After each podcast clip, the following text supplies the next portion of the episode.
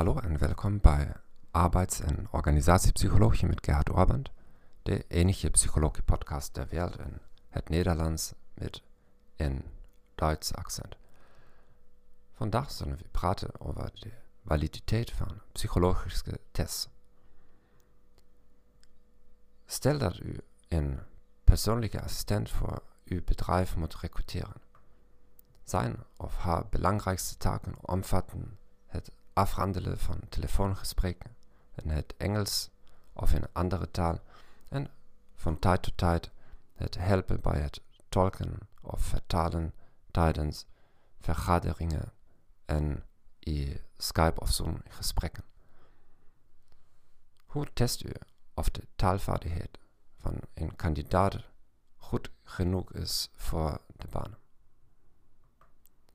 Stel je voor dat je een aantal respectabele leraren Engels van een plaatselijke talenschool hebt gevraagd en zij werken een schriftelijk examen uit online kan worden toegepast. Het bestaat uit grammatica-oefeningen vergelijkbaar met die in schoolboeken. Hoe hoog is de validiteit van zo'n test? Validiteit is of een test meet wat hij moet meten. De inhoudsvaliditeit is hoog als de test een representatieve steekproef van taken omvat. In ons voorbeeld zou deze test geen betrekking hebben op het afhandelen van telefoongesprekken, noch op het werken als tolk of vertaler. Het omvat alleen schriftelijke oefeningen. En het omvat niet eens het schrijven van e-mails of het uitwerken van andere soorten teksten.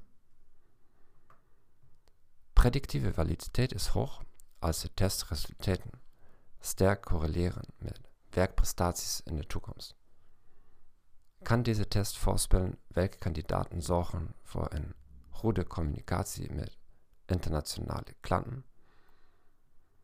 Een veel meer valide test zou waarschijnlijk zijn om kandidaten meerdere telefoontjes te laten plegen en hen een gesprek van 15 minuten te laten interpreteren of vertalen. Ik dank u voor het luisteren naar deze podcast. Ik wens je een fijne dag en tot ziens.